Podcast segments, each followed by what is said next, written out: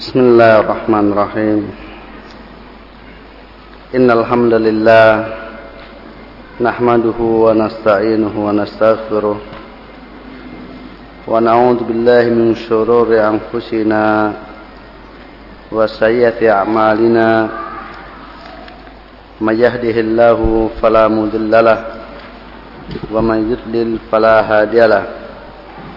أشهد أن لا إله إلا الله وحده لا شريك له.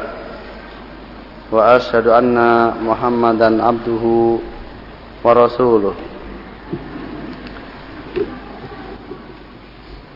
أعوذ بالله من الشيطان الرجيم.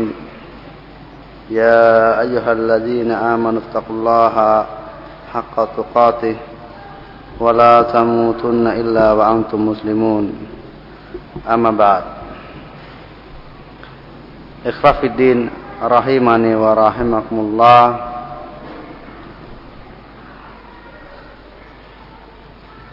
Kita lanjutkan pelajaran kita Pembahasan hadis Arba'in An-Nawawiyah. Kita masuki hadis yang ke-19. Jadi mestinya tadi siang saya lupa ya Maksudnya hadis yang ke tiga bulan sekian.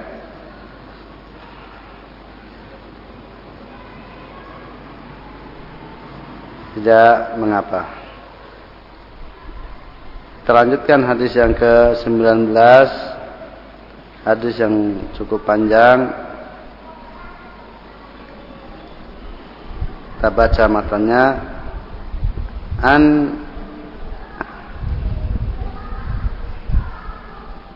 Abi Abbasin atau Abil Abbas Abdullah ibni Abbas radhiyallahu anhuma. Qal kuntu khalfan nabi sallallahu alaihi wasallam yauman. Suatu saat aku berada di belakang nabi sallallahu alaihi wasallam. Faqal beliau bersabda Ya gulam Inni uallimuka kalimatin. Wahai anak muda Atau anak yang masih kecil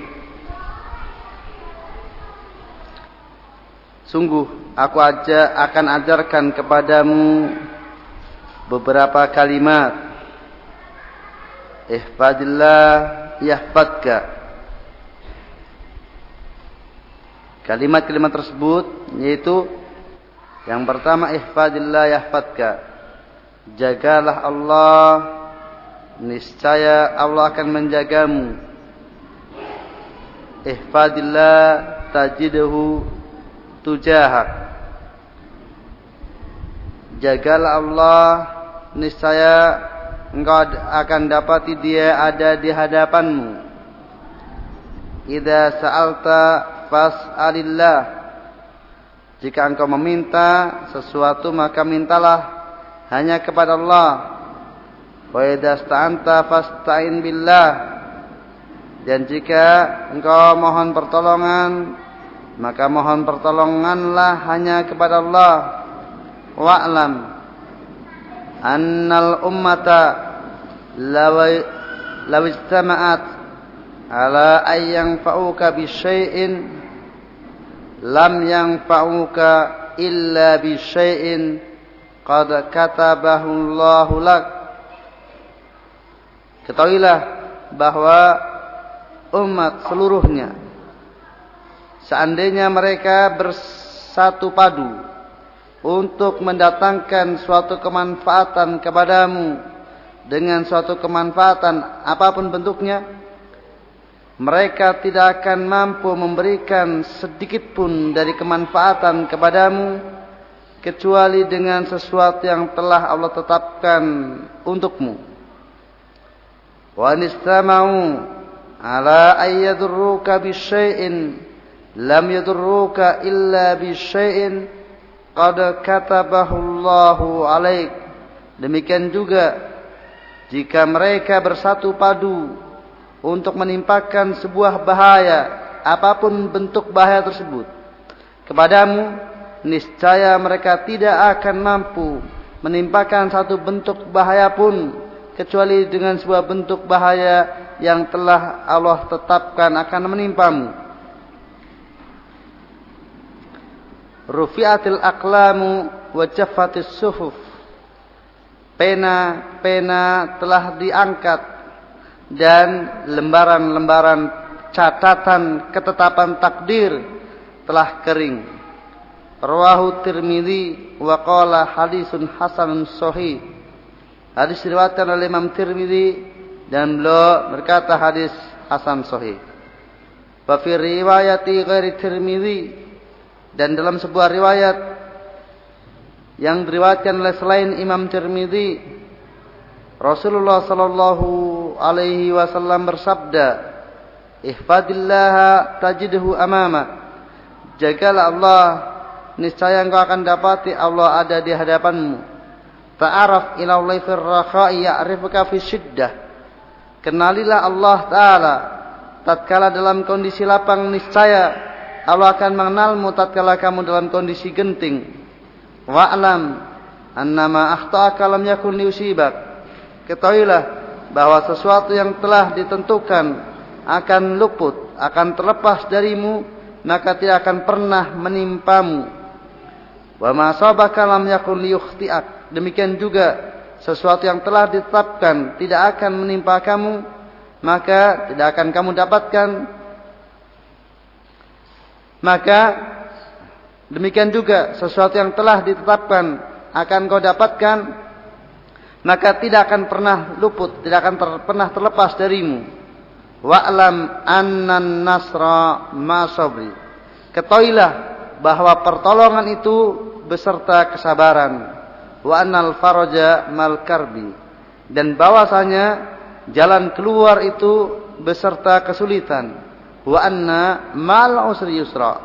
Dan bahwasanya bersama kesulitan pasti ada kemudahan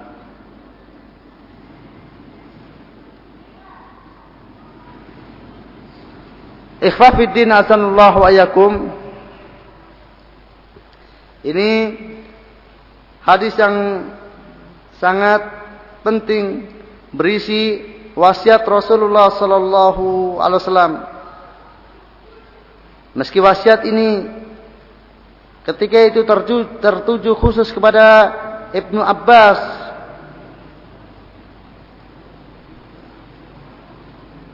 sepupu beliau namun hakikatnya bermanfaat bagi seluruh umat ini. Barang siapa yang mau melaksanakan wasiat Nabi Shallallahu Alaihi Wasallam yang telah beliau sampaikan kepada Ibnu Abbas ini, maka dia akan mendapatkan manfaat yang sangat besar. Dan makna yang beliau sampaikan amat sangat mendalam. Ikhfafidin rahimani wa rahimakumullah. Di sini Rasulullah Sallallahu Alaihi Wasallam mengajarkan kepada Ibnu Abbas ketika itu beliau masih sangat muda, masih termasuk anak-anak. Maka belum memanggil dengan panggilan ya gulam sebagai bentuk panggilan kasih sayang kepada seorang anak.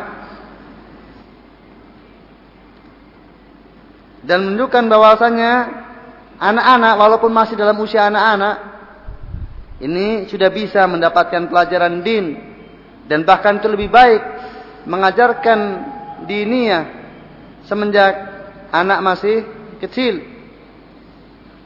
Kapan seorang anak dia sudah bisa fahmul kitab, bisa memahami sebuah perkataan, maka semestinya dia sudah diajari tentang agama yang benar, diajari akidah yang benar untuk senantiasa terikat dan terkait dengan Allah SWT sang penciptanya. Coba kita lihat bagaimana Nabi Shallallahu Alaihi Wasallam di dalam menggunakan, di dalam mempraktekkan teori pengajaran kepada Ibnu Abbas ini. Belum menggunakan bahasa yang lembut, yang gulam. Inilah bahasa panggilan yang lembut, yang halus. Demikian juga materi yang akan beliau sampaikanlah berupa perintah. Ihfadillah yahfadka. Ihfadillah tajidhu tujahak dan seterusnya. Namun beliau menggunakan bahasa pengajaran ini uallimuka kalimatin. Beliau ingin memerintahkan sesuatu kepada Ibnu Abbas namun bahasa yang beliau pakai saya akan ajarkan kepadamu. Dan seorang yang berakal seorang yang cerdik pandai maka dia paham terhadap apa isi pelajaran tersebut. Hakikatnya lah dia dituntut untuk melakukan sesuatu. Tapi Rasulullah tidak menggunakan dengan amar tuka. Aku perintahkan kepadamu. Tapi aku akan ajarkan kepadamu beberapa kalimat. Ini menunjukkan kehalusan dan kelembutan budi Rasulullah Sallallahu Alaihi Wasallam.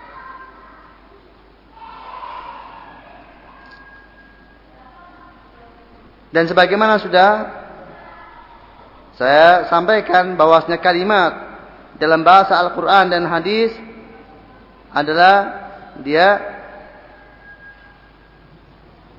sama dengan kalimat dalam bahasa Indonesia. Berbeda dengan kalimat dalam nahu adalah kata.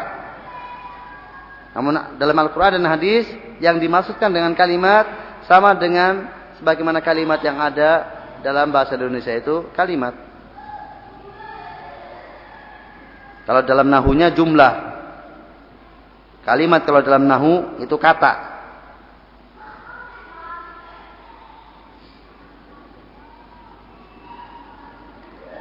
Nasihat pertama beliau sampaikan Ihfadillah yahfadka. Jagalah Allah, niscaya Allah akan menjagamu. Menjaga Allah Subhanahu wa taala yaitu dengan cara menjaga hak-haknya. Adapun hak-hak Allah Ta'ala itu terbagi menjadi dua. Hak-hak yang wajib dan hak-hak yang mustahab, yang sunnah. Maka barang siapa yang menunaikan yang wajib dan memelihara sunnah berarti dia telah menjaga hak Allah seluruhnya. Dan sepaling besar dari hak Allah adalah at-tauhid dan seluruh penunaian hak Allah taala sah apabila dilandasi oleh tauhid dan tidak sah apabila tidak berlandaskan tauhid. Rasulullah katakan dalam hadis Muad bin Jabal, "Haqullahi 'alal ibadi ayak buduhu wa la yusyriku bihi syai'a." Hak Allah atas para hambanya yaitu untuk Allah disembah semata dan tidak disekutukan dengan sesuatu pun. Inilah hak Allah yang terpenting dan yang asasi yang harus ditunaikan oleh setiap hamba. Wa ma khalaqtul jinna wal insa illa liya'budun kata Allah taala dalam Az-Zariyat 56. Sesuai dengan kadar penjagaan hak-hak Allah tersebutlah perbedaan derajat manusia. Maka semakin sempurna manusia di dalam menjaga hak-hak Allah SWT, maka semakin sempurnalah derajatnya. Adapun jazaknya, balasannya bagi orang yang menjaga Allah SWT la yahfadka. Allah menjaganya. Penjagaan Allah SWT kepada hambanya ada dua macam. Penjagaan terkait dengan urusan duniawiyahnya. Yaitu dengan dijaga kesehatannya. Dicukupkan rezekinya. Dimudahkan urusannya. Dijaga keluarganya dan lain sebagainya dari kebutuhan-kebutuhan duniawi. Ini baik tatkala dia masih hidup maupun setelah dia meninggal. Orang yang menjaga Allah Ta'ala, dunianya akan terjaga, dunianya akan dijaga. Baik tatkala dia masih hidup, maupun sepeninggal dia. Seperti firman Allah dalam surat Al-Kahfi. Wa ammal gulamu fakana Wa ammal jidaru fakana li gulamain yatimaini fil madinati wa kana abuhuma salihah. Adapun dinding itu maka ada yang betul. Adapun dinding itu maka milik dua anak yatim yang berada di kota. Wa kana abuhuma dan dulu bapak anak kedua anak yatim tersebut soleha adalah orang yang soleh. Berkat kesolehan dari bapaknya harta peninggalannya yang mestinya didapatkan oleh anaknya yang ditinggalkan dalam keadaan yatim terjaga karena kesolehannya. Dan demikianlah ifafidin sallallahu yakum. Ini sunatullah yang berjalan di muka bumi ini. Barang siapa yang dia hidupnya menjaga Allah Ta'ala, maka dirinya akan terjaga dunianya. Demikian juga orang-orang yang menjadi tanggung jawabnya. Akan terjaga duniawiahnya. Maka sering saya sampaikan, kalau kemudian kita menginginkan kenikmatan duniawi, maka cukuplah dengan menegakkan hak-hak Allah Taala. Tunaikan din ini. Apa yang Allah syaratkan dari din ini. Jangan mencari bentuk-bentuk yang lainnya untuk mendapatkan kecukupan duniawi dan kekayaan hakiyah lagi nafs, kecukupan jiwa Bukan kecukupan apa yang secara tampilan. Betapa banyak orang tampilannya dia kecukupan tapi hakikatnya dia miskin dan penuh penderitaan. Dan betapa banyak orang yang tampilannya dia menderita namun ternyata dia merasa, merasa cukup dan betul-betul lapang dadanya dengan kecukupan yang ada yang dia rasakan. Al-ghina, ghina nafs, Kekayaan hakikilah tatkala cukupnya jiwa. Merasa kayanya jiwa ini dan terasa tidak butuh apa-apa selain dari apa yang sudah atau yang Allah berikan kepadanya. Dan tiada orang yang lebih bergembira dibandingkan orang yang demikian tersebut. Adapun bentuk penjagaan Allah yang kedua yaitu menjaga urusan agamanya penjagaan dinia ini jauh lebih penting dan lebih bermanfaat, lebih berharga, lebih bernilai daripada penjagaan duniawiahnya. Dan di antara bentuk atau bentuk asasi dari penjagaan din ini adalah dibersihkannya hati dari kotoran subhat dan kotoran syahwat. Sehingga senantiasa terikat hatinya dengan Allah. Penuh rasa harap kepadanya. Senantiasa bertobat kepadanya. Anggota dan anggota badannya terbebas dari kecenderungan untuk memperturutkan syahwat. Inilah penjagaan agama. Seperti tersebut dalam hadis wali bahwasanya matanya kemudian pendengarannya, penglihatannya, pendengarannya, tangannya dan kakinya semuanya berjalan sesuai dengan keridhaan Allah Taala. Senantiasa mendapatkan taufik dari Allah Subhanahu wa taala.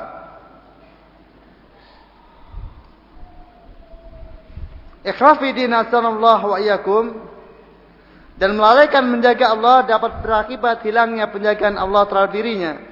Betapa banyak ayat-ayat Allah Taala Allah menghukum seorang disebabkan karena dia tidak menjaga agamanya. Dan hukuman berupa dinia, hukuman dinia itu jauh lebih menderita, lebih berbahaya dibandingkan hukuman duniawi. Allah katakan dalam surat At-Taubah ayat 67 bagaimana Allah menghukum tatkala orang tidak menjaga Allah Subhanahu wa taala falamma zagu azagallahu qulubahum. Tatkala eh, dalam surat Saf ayat 5 ya. Dalam surat Saf ayat 5 falamma zagu azagallahu qulubahum. Maka tatkala mereka menyimpang maka Allah simpangkan Allah selewengkan hati-hati mereka Penyelewengan yang berikutnya adalah sebagai hukuman terhadap penyelewengan yang pertama. Ini bukti bahwasanya akibat melalaikan penjagaan Allah Ta'ala, hukumannya, kalau hukuman duniawi jauh lebih mending. Justru dengan demikian akan terhapus dosanya. Kalau dihukum dengan hukuman duniawi. Namun sangat berbahaya kalau hukumannya adalah hukuman ukhrawi yaitu kemudian diselewengkan hatinya. Demikian juga at-taubah 67 nasullaha fanasiyahum. Mereka melupakan Allah maka Allah pun melupakan mereka. Maka seorang hamba tidak mengetahui lagi apa yang membawa manfaat bagi dirinya dan juga tidak mengetahui lagi sesuatu yang membahayakan dirinya. Sehingga yang terjadi dia mengambil sesuatu yang dia kira mendatangkan manfaat ternyata justru mendatangkan madarat. Dan sebaliknya dia menghindari sesuatu yang dia kira itu membahayakannya justru pada hakikatnya sesuatu tersebut bermanfaat baginya. Nasullaha fanasiyahum mereka melupakan Allah maka Allah pun melupakannya. Dan ayat-ayat yang lainnya yang menunjukkan bahwasanya orang yang melalaikan penjagaan Allah taala maka Allah pun berlepas diri darinya. Ikhwafidin alaikum. Makna penjagaan Allah ini penjagaan Allah yang sifatnya duniawiyah maupun yang sifatnya ukhrawiyah diniyah itu semakna dengan makna ma'iyatullah kebersamaan Allah Subhanahu wa taala.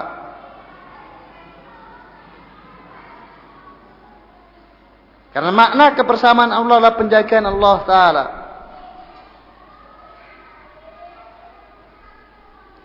Kita lihat bagaimana Rasulullah sallallahu alaihi wasallam sosok yang paling menjaga hak-hak Allah Subhanahu wa taala.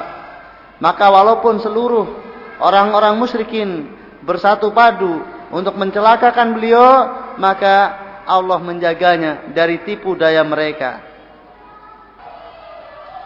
Kemudian ikhwah fillah yakum, seseorang yang betul-betul sudah menjaga hak-hak Allah Subhanahu wa taala, kemudian dia mendapatkan sesuatu dari dunianya ternyata. Itu tidak sebagaimana yang dia inginkan. Maka husnudonlah bahwasanya itu yang terbaik. Demi penjagaan agamanya Seseorang yang dia menjaga hak-hak Allah Ta'ala. Kemudian misalnya dia ditakdirkan menjadi orang yang miskin misalnya. Maka itu demi kebaikan dia. Sebab kalau bisa jadi, kalau kemudian Allah berikan kepadanya kekayaan.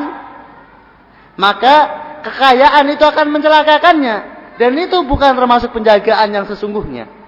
Maka penjagaan yang sesungguhnya adalah bagaimana supaya kondisi orang tersebut tetap istiqamah dalam penjagaan Allah Ta'ala. Nah kalau buat sedemikian rupa yang dengan itu dia tetap istiqamah dalam menjaga hak-hak Allah Ta'ala.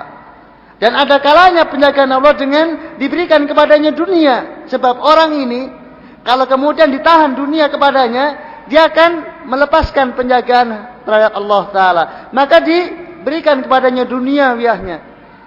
Sebagai bentuk penjagaan kepada agamanya. Maka ikhwah fidina asanallahu ayakum dalam setiap apa yang kita alami kalau itu terkait dari musibah duniawi kemudian kita telah menjaga hak-hak Allah Ta'ala, maka husnudonlah. Itulah yang memang semestinya kita dapatkan demi kebaikan kita. Karena kasih sayang Allah kepada kita. Bukankah Nabi Shallallahu Alaihi Wasallam telah bersabda, Inna Allah ida ahabba kauman fattalahum. Sungguh Allah apabila dia mencintai sebuah kaum maka Allah mengujinya. Faman radhiya falahur ridha. Barang siapa yang dia ridho kepada ujian Allah tersebut, musibah yang Allah bebankan tersebut, maka baginya keridhaan Allah Ta'ala. Namun sebaliknya, faman sakhita falu asyuk. Namun barang siapa yang murka, yang marah terhadap musibah yang menimpa kepadanya, maka baginya kemurkaan Allah Ta'ala. Kebencian Allah Subhanahu Wa Ta'ala. Barang siapa yang benci, kepada musibah tersebut, maka dia mendapatkan kebencian Allah Ta'ala. Berarti dia bukan kaum yang dicintai. Tapi, apa? siksaan demi siksaan. Setelah dia disiksa, diadab dengan azab duniawi, kemudian diadab dan dihukum dengan hukum ukhrawi tatkala dia tidak menjaga Allah dengan dia mendapatkan musibah. Semestinya tatkala dia mendapatkan musibah, dia menjaga hak Allah di situ yaitu bersabar. Syukur ridho bersabar kepada musibah atau ridho kepada perbuatan Allah Taala. Namun dia tidak melaksanakan penjagaan Allah di situ, maka kemudian dihukum dengan kemurkaan Allah. Dia murka, maka dihukum dengan kemurkaan Allah Taala. Dan itu sangat penderitaan yang sesungguhnya. Maka ikhwafidina sanallahu yakum, penderitaan duniawi, penderitaan duniawi bagi orang yang menjaga hak-hak Allah dengan sebenarnya, maka itu nikmat baginya.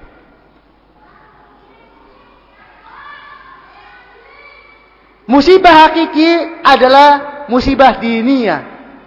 Itu tatkala dia berbuat bid'ah atau berbuat syirik atau berbuat maksiat, itulah hakikatnya musibah hakiki. Adapun musibah duniawi bagi orang mukmin adalah nikmat. Ajaba li amrin ajaban li amril mukmin. Sungguh mengheratkan perkaranya orang mukmin. Inna amra kulluhu khair. Sesungguhnya perkara orang mukmin itu semuanya baik. In asabatu sarra syakara. Fakana khairullah. Apabila dia mendapatkan kebaikan, dia bersyukur. Dan hal itu baik baginya. Wa in asabatu dharra sabara. Dan apabila dia menimpa musibah, bahaya, kemadorotan, dia bersabar. Fakana khairullah. Dan itu baik baginya. Walaysa dzalika illa lil. Dan tidak ada yang kondisi seperti itu kecuali bagi orang mukmin. Maka kalau para ulama mengistilahkan nikmah atau uh, nikmah qaf nikmah bagi orang mukmin berubah menjadi nikmah dengan ain. Nikmah itu musibah, malapetaka. Namun kalau itu dialami oleh orang mukmin, maka itu menjadi nikmah, menjadi kenikmatan. Maka pandai-pandailah kita memanage musibah yang kita dapatkan itu menjadi nikmat sehingga kemudian yang didapatkan tidak hanya bersabar bahkan lebih dari itu. Dia bersyukur kepada Allah taala. Ini martabat yang tertinggi bagi seorang mukmin tatkala dia mendapatkan musibah. Dia bersyukur kepada Allah taala. Alhamdulillah ala kulli hal. Segala puji bagi Allah dalam segala keadaan. Karena dia melihat tidak hanya dari kacamata dohir. Apa yang dialami, apa yang dia rasakan dari sakit. Atau dari hilangnya hartanya atau dari hilangnya salah satu anggota keluarganya bukan itu yang dia lihat tapi di balik itu berupa pengampunan dosa dan kehendak baik dari Allah taala kalau dia mau bersabar kalau dia mau ridho terhadap perbuatan Allah atas dirinya tersebut itu alamat kecintaan Allah kepadanya itu yang dia lihat di balik itu bukan kacamata dohir dari apa yang dialaminya tapi yang dibalik rahasia yang dibalik dari apa yang dialaminya maka kemudian melahirkan bentuk syukur kepada Allah Subhanahu wa taala. Maka kemudian Nabi Shallallahu Alaihi Wasallam nasihatkan kepada Ibnu Abbas setelah belum melaksanakan ihfadillah yahfadka ihfadillah tajidu tujah. Jagalah Allah niscaya engkau akan dapati Allah senantiasa berada di hadapanmu. Inilah makna ma'iyatullah. Allah senantiasa ada di hadapanmu bersamamu. Di mana pun kamu berada Allah bersamamu. Ma'iyah khasah. Karena ma'iyah Allah ada dua ya. Ma'iyah amah dan ada ma'iyah khasah.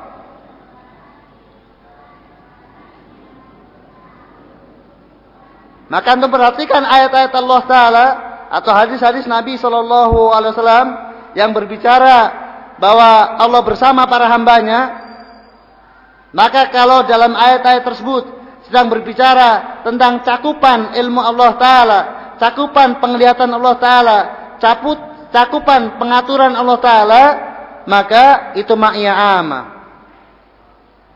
Inna Allah ma'akum aina kuntum misalnya. Sesungguhnya Allah bersama kalian di mana pun kalian berada. Ini adalah maknya ama. Adapun perkataan Nabi Wasallam yang dinukil oleh Allah, Taala dalam tatkala beliau berada di goa bersama Abu Bakar Siddiq, in la tahzan, Allah ma'ana. Jangan bersedih karena Allah bersama kita. Maka maknya di sana maknya khasa. Maknya amma, maknanya peliputan, pengaturan dan pengilmuan yang sifatnya mencakup segala sesuatu, Allah mengatur segala sesuatu, Allah meliputi segala sesuatu, Allah melihat segala sesuatu, Allah mengilmui segala sesuatu. Maka Allah bersama hamba seluruhnya. Baik yang mukmin maupun yang kafir. Ini maknanya ama. Semua hamba bersama Allah Ta'ala dalam maknya yang ama. Maknya yang sifatnya umum, kebersamaan yang sifatnya umum. Adapun maknya khasah Inilah penjagaan Allah Ta'ala. Taufik Allah Subhanahu Wa Ta'ala. Pembelaan Allah Subhanahu Wa Ta'ala. Maka ihfadillah tajidu tujahat. Jagalah Allah, niscaya Allah akan senantiasa ada di hadapanmu. Bersama kamu, ini ma'iyah khasa. Kebersamaan yang khusus. Maka apa saja yang dia butuhkan akan Allah berikan kepadanya. Kalau itu membawa kebaikan bagi dunia dan akhiratnya. Semua yang dibutuhkan oleh hambanya yang telah menjaga Allah tersebut, maka Allah akan berikan. Karena Allah ada di sisinya. Allah dekat dengannya. Allah mengawasi dan melindunginya dari berbagai macam hal yang membahayakannya. Baik bahaya bagi dunianya maupun akhiratnya. Maka berbahagialah seorang hamba yang mampu menunaikan hak-hak Allah Ta'ala dengan sempurna. Maka tidak ada kesedihan dan tidak ada rasa takut padanya sama sekali. Dan itulah hakikat kebahagiaan hidup di dunia ini. Tatkala hidup dalam keadaan tidak punya rasa takut kepada siapa pun dan tidak ada rasa sedih dengan karena sebab apa pun. Kesedihan dia hanya karena kalau dia bermaksiat kepada Allah saja. Tatkala dia jauh dari Allah, itulah hakikat kesedihannya.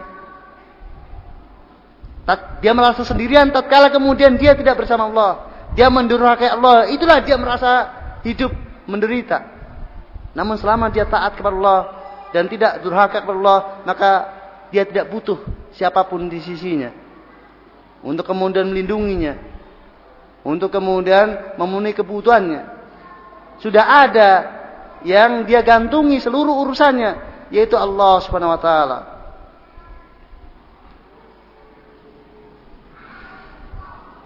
Maka coba perhatikan bagaimana Abu Bakar Siddiq radhiyallahu Dia menginfakkan seluruh hartanya dan tidak sedikit pun ada rasa kekhawatiran. Tatkala tanya Rasulullah, lalu apa yang kamu tinggalkan untuk keluargamu? Allah dan Rasulnya. Tatkala tuntutan untuk menginfakkan seluruh hartanya, dia infakkan seluruh hartanya. Tak disisakan sedikit pun hartanya. Karena tawakalnya yang sangat tinggi. Tak ada seorang pun yang mampu berbuat sebagaimana Abu Bakar Siddiq. Walau Umar bin Khattab dia hanya mampu separuh dari hartanya. Dan tidak seluruhnya. Maka bukanlah Abu Bakar Siddiq melebihi umat yang lainnya dikarenakan apa yang ada pada lahirnya. Namun hakikatnya apa yang ada dalam kolbunya. Berupa ketergantungan yang sangat tinggi hanya kepada Allah Ta'ala dan tidak kepada yang lainnya. Dan Abu Bakar tetap masih di bawah Rasulullah Sallallahu Alaihi Wasallam. Maka dalam kondisi yang sangat genting sekali, maka tampaklah Rasulullah lebih mengunggulinya. Yaitu tatkala di gua. Abu Bakar masih ada perasaan, tapi tidak Rasulullah Sallallahu Alaihi Wasallam. Dan demikianlah. Maka seandainya iman Rasulullah ditimbang, maka mengalahkan seluruh iman yang lainnya. Demikian juga tatkala iman Abu Bakar ditimbang setelah iman para nabi tentunya, maka iman Abu Bakar mengalahkan seluruh umat yang lainnya. Keimanan umat yang lainnya ditimbang dengan keimanan keimam, keimanan Abu Bakar Siddiq, maka iman Abu Bakar lebih mengungguli umat yang lainnya. Maka ikhwafiddin Allah wa iyyakum, marilah kita berusaha untuk mengejar hakikat dari kekuatan iman tersebut. Kemudian beliau sampaikan ini pengajaran untuk bertawakal hanya kepada Allah taala. Wa idza sta'anta fasta'in billah wa idza sa'alta fas'alillah wa idza sta'anta fasta'in billah. Apabila engkau meminta sesuatu mintalah kepada Allah dan apabila engkau mohon pertolongan maka mohon pertolonganlah kepada Allah taala. Setelah beliau menyampaikan tentang perintah untuk beribadah, untuk menjaga hak-hak Allah taala dan penjagaan terhadap hak-hak Allah tersebut tidak akan bisa kita tempuh kecuali dengan pertolongan Allah taala. Maka mohonlah pertolongan kepada Allah taala. Itulah hakikat din kita, hakikat agama kita. Iya karena budu wa iya karena stain. Itulah hakikat dinul Islam. Pada ia kena budu, ia kena stain. Ia kena budu mengambil asbab beribadah kepada Allah Taala. Ia kena stain bertawakal kepada Allah untuk membantu di dalam kita menunaikan ibadah kepadanya. Karena tidak akan mungkin seorang hamba bisa menunaikan ibadah kepadanya tanpa taufik dan pertolongan dari Allah Subhanahu wa taala. Imam Ibnu Qayyim rahimahullah menjelaskan panjang lebar tentang manazil. Ia kana budu ia kana stain ini dalam kitabnya Madarijus Salikin. Tiga jilid tebal-tebal khusus berbicara tentang penjabaran ia kana budu huwa iya kana stain. Yang merupakan intisari dinul Islam bahkan intisari seluruh din. Karena di riwayatkan bahwasanya dinul di, din para nabi seluruhnya itu diringkas dalam Al-Qur'an. Kemudian Al-Qur'an seluruhnya diringkas dalam Al-Fatihah, umul kitab. Al-Fatihah seluruhnya diringkas dalam iya kana budu wa iya kana stain. Maka iya kana budu wa iya kana stain lah inti seluruh din dari Nabi Allah Adam alaihissalam sampai Nabi kita Muhammad sallallahu alaihi wasallam. Maka upayakanlah memahami dengan benar hakikat iya karena mudu wa iya karena stain. Itu bahwasanya kita di dunia ini adalah mengambil asbab dengan menunaikan syariat. Kemudian dalam penunaian syariat itu mohon pertolonganlah kepada Allah Subhanahu wa taala. Itulah sesungguhnya din kita. Laksanakan apa yang menjadi tuntunan tuntutan syariat kepada kita, kemudian bertawakallah kepada Allah Subhanahu wa taala. Maka barang siapa yang berbuat demikian tak telah di dunia ini, maka dia telah melaksanakan hakikat dari dinnya.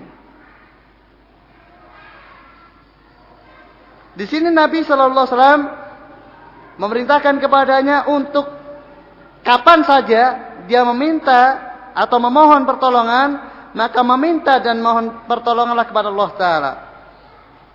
Meminta dan mohon pertolongan hanya kepada Allah Ta'ala. Itu ada yang tarafnya wajib. Dan ada yang tarafnya mustahab. Yang tarafnya sunnah. Yang hukumnya wajib.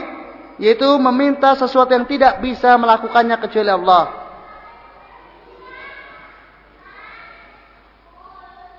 Inilah tauhid di dalam meminta. Di mana jika dipalingkan kepada selain Allah hukumnya syirik, syirik akbar ya. batal tauhidnya, batal keislamannya. Itu apabila sampai dia meminta sesuatu yang tidak mampu melakukannya kecuali Allah dan dia minta kepada selain Allah, maka dia bukanlah seorang muwahhid. Dia batal Islamnya, batal ketauhidannya.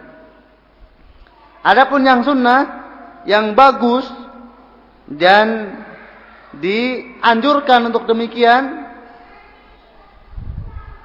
yaitu tatkala meminta dalam sesuatu yang manusia mampu untuk melakukannya. Manusia mampu untuk melakukannya, dan dia pun mampu untuk melakukannya. Dia mampu untuk melakukannya, manusia mampu untuk melakukannya, maka disunahkan untuk tidak meminta kepada manusia yang lainnya.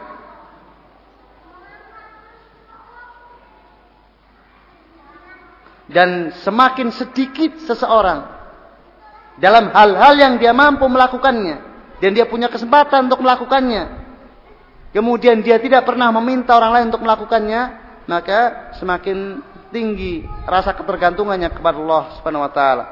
Semakin kecil dia menunjukkan permintaan kepada selain Allah taala dan semakin baguslah tauhidnya. Namun jelek tercela seseorang yang dia bisa melakukan kemudian sedikit-sedikit meminta kepada orang lain. Ini jelek, ini tercela, tidak bagus. Apalagi kalau kemudian dia meminta mal, meminta harta. Maka meminta harta kepada orang lain dalam sesuatu yang bukan hajah, bukan suatu kebutuhan, namun untuk kemudian bernikmat-nikmat dengan harta tersebut, bukan suatu desakan kebutuhan, maka ini termasuk haram. Man yas'alin nasa takasuran fa inna ma yas'alu jamran falyastaqil aw yastakthir.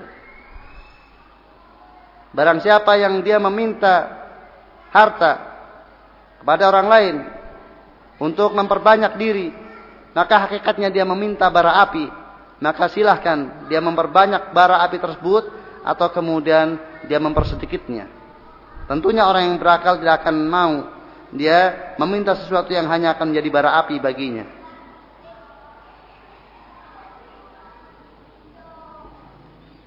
Dan hadis-hadis yang lainnya yang menunjukkan tercelanya orang yang meminta kepada orang lain untuk atau dalam masalah mal.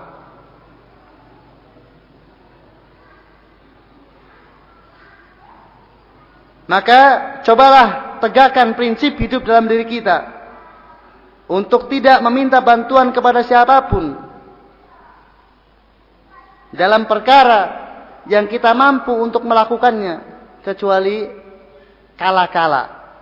Artinya kadang-kadang saja. Sebagaimana Rasulullah SAW kadang pun meminta bantuan kepada sahabatnya untuk mengambilkan itu atau untuk kemudian melakukan ini dan itu. Padahal belum bisa, tapi itu kadang-kadang. Jarang sekali belum melakukan demikian. Maka selama dia mengikuti Rasulullah dalam dalam hal apa yang Rasul lakukan, karena Rasulullah kadang-kadang demikian juga dia kadang-kadang, maka tidaklah merusak ketauhidan seorang. Tapi kalau kemudian dia membiasakan diri atau justru menjadi kebanggaan tatkala dia bisa menyuruh orang lain sesuatu yang dia bisa melakukannya sendiri maka inilah menunjukkan kesombongan dan kerendahan tauhidnya. Kadang seorang karena malasnya sedikit-sedikit dia menyuruh. Apalagi kemudian memang dia dianggap senior misalnya. Inilah apa adat yang sangat tercela sesungguhnya yang tidak sepantasnya ada seperti itu beredar di tengah-tengah kaum mukminin. Kaum mukminin mestinya masing-masing mereka lah melakukan apa yang mereka bisa lakukan. Mereka meminta bantuan kepada saudaranya dalam hal-hal yang memang tidaklah memungkinkan untuk mereka lakukan kecuali dengan bantuan saudaranya. Dan itu pun dengan prinsip man sona ilaikum ma'rufan fakafi'uhu fa ilam tajidu fa ilam tajidu ma tukafi'unahu fad'ullah hatta taro annakum qad kafatumuhu. Siapa pun yang telah berbuat ma'ruf, berbuat kebaikan kepadamu, maka balaslah dengan balasan yang setimpal. Jadi sistem balas jasa. Kalau kita meminta bantuan kepada saudara kita untuk kepentingan kita, maka balaslah. Artinya kita mengendaki suatu perbuatan dan kita tidak mampu melakukan dengan sendiri, kemudian kita meminta bantuan saudara kita, maka balaslah kebaikan saudara kita tersebut. Kalau kita tidak mendapatkan apa yang bisa membalas kepada saudara kita, maka doakan saudara kita tersebut. Sampai kita melihat bahwa doa tersebut telah sejajar dengan bantuan saudara kita tersebut. Coba bayangkan, kalau kemudian setiap mukmin menegakkan prinsip dari konsekuensi ketauhidan, maka luar biasa kedamaian dan ketentraman dan hidup penuh dengan tenang dan tentram. Maka ikhwah kalau kemudian ternyata semestinya tuntutannya demikian dari semua pihak. Dari semua pihak mestinya demikian. Namun kalau ternyata pihak-pihak lain tidak melakukan demikian, maka bersabarlah. Ya bersabarlah atas apa yang diperbuat oleh orang lain dari hal-hal yang bukan atau yang tidak sesuai dengan tuntutan syar'i. Maka ya, kita bawa diri kita sendiri untuk menunaikan bagaimana tuntutan syar'i sebenarnya. Dan kita maklumi karena kebanyakan orang jahil tentang diniyahnya. Kebanyakan orang berbuat sebagaimana apa umumnya manusia. Maka kita berkewajiban bagi kita yang tahu untuk kemudian ikut larut dalam kehidupan manusia pada umumnya. Tapi kita hidup sesuai dengan tuntunan agama kita. Toh kepentingannya dan manfaatnya kembali kepada kita di dunia wal akhirah. Adapun pada sabda beliau berikutnya, wa alam annal ummata ketahuilah bahwasanya seluruh umat seandainya mereka bersatu padu untuk menimpakan sebuah atau untuk memberikan kepadamu sebuah manfaat atau untuk menimpakan kepada musibah madarat maka tidak mampu untuk menimpakan untuk memberikan sebuah manfaat atau menimpakan sebuah madarat kecuali yang sudah ditetapkan oleh Allah SWT inilah untuk melahirkan rasa tawakal hanya kepada Allah Ta'ala bersandar dan bergantung hanya kepada Allah Ta'ala toh semuanya sudah ditakdirkan lah kembali tentang masalah takdir semuanya sudah ditakdirkan Lalu apa yang mesti dikhawatirkan? Kewajiban kita tinggal melaksanakan syariat. Kita dapatkan memang itu yang sudah ditakdirkan, tidak kita dapatkan memang itu yang sudah ditakdirkan. Kita mendapatkan manfaat, memang itu yang sudah ditakdirkan. Kita justru mendapatkan madarat, memang itu yang sudah ditakdirkan. Maka apa nasihat Rasulullah? Ihris ala ma yang fa'u. Wala ta'jazan. Wasta'in billah wala ta'jaz. Bersemangatlah, bersungguh-sungguhlah terhadap sesuatu yang mendatangkan manfaat kepadamu. Mohon pertolonganlah kepada Allah dan jangan malas. Ini nasihat dari Rasulullah sallallahu alaihi wasallam. Ihris ala ma yanfa'uk wasta'in billah wala ta'jaz. Baru setelah itu apa? Wa in asabaka syai'un dan kalau menimpa kepadamu sesuatu yang tidak kamu suka, yang di luar perhitungan maka fala takul law anni fa'altu kada wa kada fa inna law taftah amal syaitan dan janganlah kamu mengatakan seandainya saja aku lakukan demikian atau demikian karena ucapan seandainya adalah membuka perbuatan syaitan maka seperti sudah saya sampaikan yang menjadi kewajiban kita sekarang statusnya kita apa keberadaan kita di mana tuntutan syariat kepada kita itu apa? Sudah itu yang dilakukan. Perkara apa yang terjadi nanti itu adalah kita tidak tahu. Jadi lihatlah apa yang sekarang dihadapi. Apa yang menjadi kewajiban syariat yang harus kita tunaikan ketika itu. Ketika kita statusnya demikian, keberadaan kita di sini dalam keadaan demikian, apa tuntutan syariat? Maka kembali pokok permasalahan adalah ilmu syariat.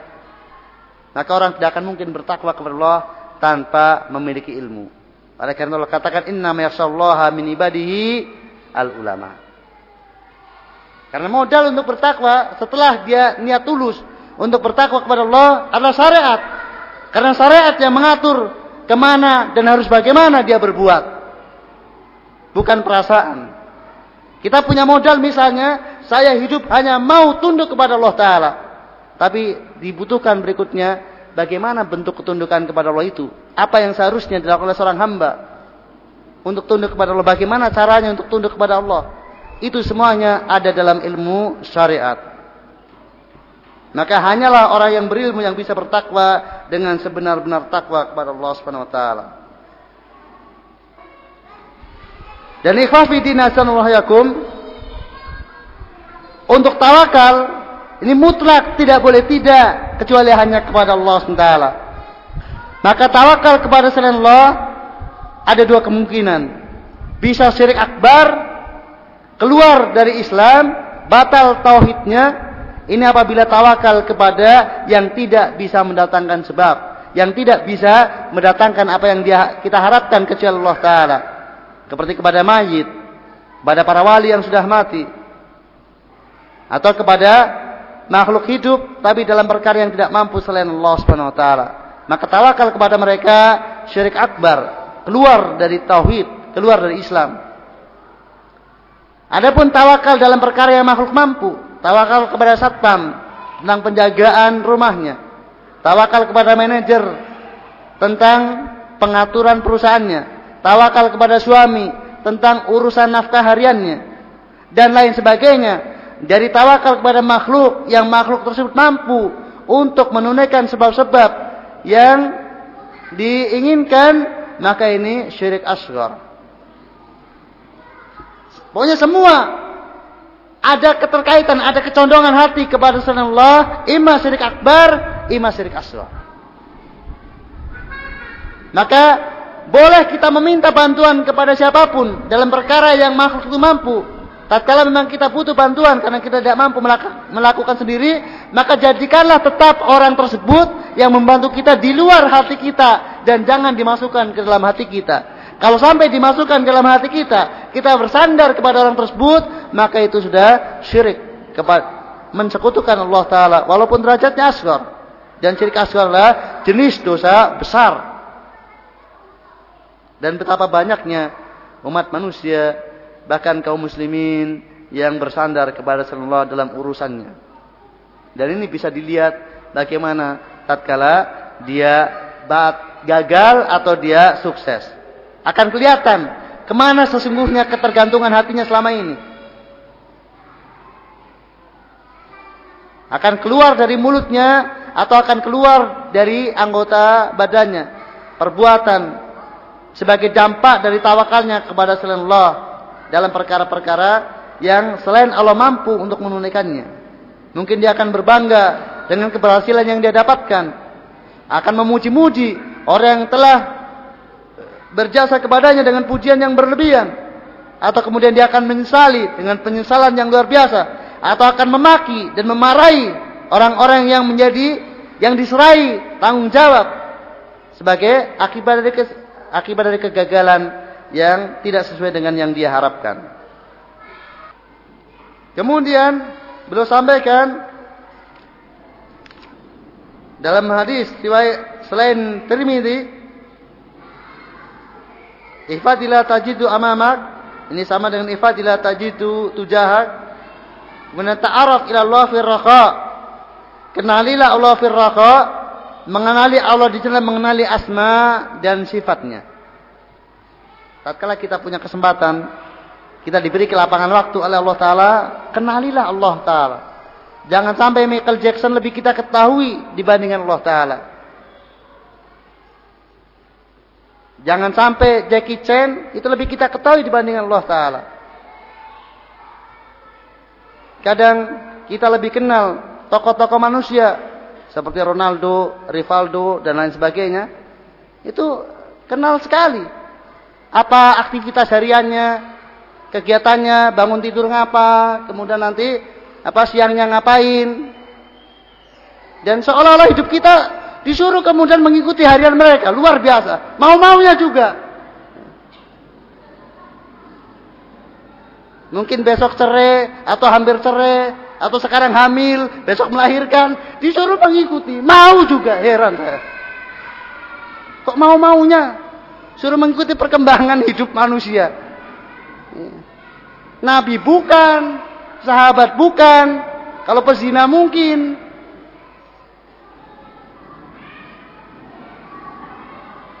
Kok hamilnya diketahui, usia hamilnya berapa diketahui, diikuti. Luar biasa ini kebodohan ya. Apa derajatnya? Sehingga kemudian dituntut manusia untuk mengikuti perkembangan yang ada, yang dialami dalam kesehariannya. Kayak tidak ada waktu kayak tidak ada waktu saja untuk mengenal Tuhannya. Kenalilah asma dan sifat Robnya. Itulah ilmu yang paling mulia. Dan gunakan untuk waktu-waktu yang bermanfaat yang lain. Dan janganlah hanya gara-gara tidak mendapatkan predikat gaul kemudian rela maka ada iklan apa narkoba bukan berarti modern dan juga bukan berarti gaul. Dan demikian juga permasalahan-permasalahan yang lainnya. Banyak permasalahan yang sesungguhnya kita kadang mengikutinya hanya karena khawatir ketinggalan apa pada umumnya manusia. Dianggap kuper tidak gaul jumut dan lain sebagainya. Coba perhatikan dalam kehidupan kita maka terlalu banyak waktu-waktu yang kita sia-siakan ta'aruf fil kenali Allah tatkala kamu lapang. Kenali nama-namanya kandungan pada masing-masing nama tersebut kemudian sifat-sifatnya, kemudian apa pengaruhnya sifat-sifat tersebut kepada hati kita, kepada peri kehidupan kita dan seterusnya. Maka kalau kemudian kita melakukan demikian, Allah pun akan kenal kita dalam kondisi sempit, kondisi genting, pertolongan Allah, bantuan Allah, pembelaan Allah Taala akan senantiasa bersamanya. Tatkala dalam kondisi lapang, dia senantiasa mengingat dan mengenal Allah Subhanahu Wa Taala. Kemudian beliau sampaikan perkara-perkara yang tidak boleh tidak bahwasannya pertolongan Allah itu bersama kesabaran. Sabar dalam semuanya tadi ya. Sabar dalam menjaga hak-hak Allah taala, sabar dalam mengenal Allah SWT. Maka pertolongan Allah itu bersama demikian. Inna Allah sabirin. Maka janganlah mengharapkan pertolongan Allah sementara kita tidak mau bersabar. Namun barang siapa yang bersabar, maka nantilah pertolongan Allah. Pasti dia akan dapatkan. Dan sabar tatkala menghadapi perintah adalah dengan melaksanakan perintah dengan sebaik-baiknya. Sabar tatkala menghadapi dorongan hawa nafsu untuk berbuat maksiat adalah dengan menahannya. Sabar tatkala mendapati musibah adalah dengan menjaga hati untuk tidak murka, untuk tidak benci, menjaga lesan untuk tidak berkeluh kesah. Dan menjaga anggota badan untuk tidak melampiaskan ketidaksabarannya dengan menempeleng atau memukul-mukul pipi, membanting gelas, merobek kerah dan lain sebagainya dari perbuatan-perbuatan sebagai wujud tidak sabar. Itulah bentuk sabar. Maka barang siapa yang sabar dalam menghadapi perintah, sabar tatkala menghadapi dorongan untuk bermaksiat, dan sabar tatkala mendapati musibah dengan tuntutan sabar yang semestinya, maka pertolongan Allah pasti bersamanya. Ikhwafi din yakum. Sabar terhadap musibah hukumnya wajib. Ridho dan syukur terhadap musibah hukumnya sunnah. Ridho terhadap musibah. Kalau sabar tadi ya, menjaga hati untuk tidak benci, menjaga lesan untuk tidak berkeluh kesah, dan menjaga anggota badan untuk tidak melakukan perbuatan-perbuatan yang menunjukkan ketidaksabaran seperti memukul-mukul pipi, membanting-banting badan atau meropek-ropek kerah dan sejenisnya. Adapun ridho terhadap musibah, yaitu yakinlah merasa yakin bahwasanya apa yang didapatkan itulah kebaikan. Maka dia rela. Yang lebih tinggi lagi dia bersyukur kepada Allah Ta'ala. Dia mengucapkan syukur kepada Allah Ta'ala. Ini derajat manusia tatkala mendapati musibah. Tentang ridho kepada musibah, itu hukumnya mustahab. sunnah ya. Kita ridho kepada musibah. Sakit kok seneng apa? Rela dengan sakit, tidak merasa menderita dengan sakit. Itu mubah eh sunnah hukumnya, mustahab. Namun ridho Allah menakdirkan kita sakit, ridho terhadap perbuatan Allah hukumnya wajib.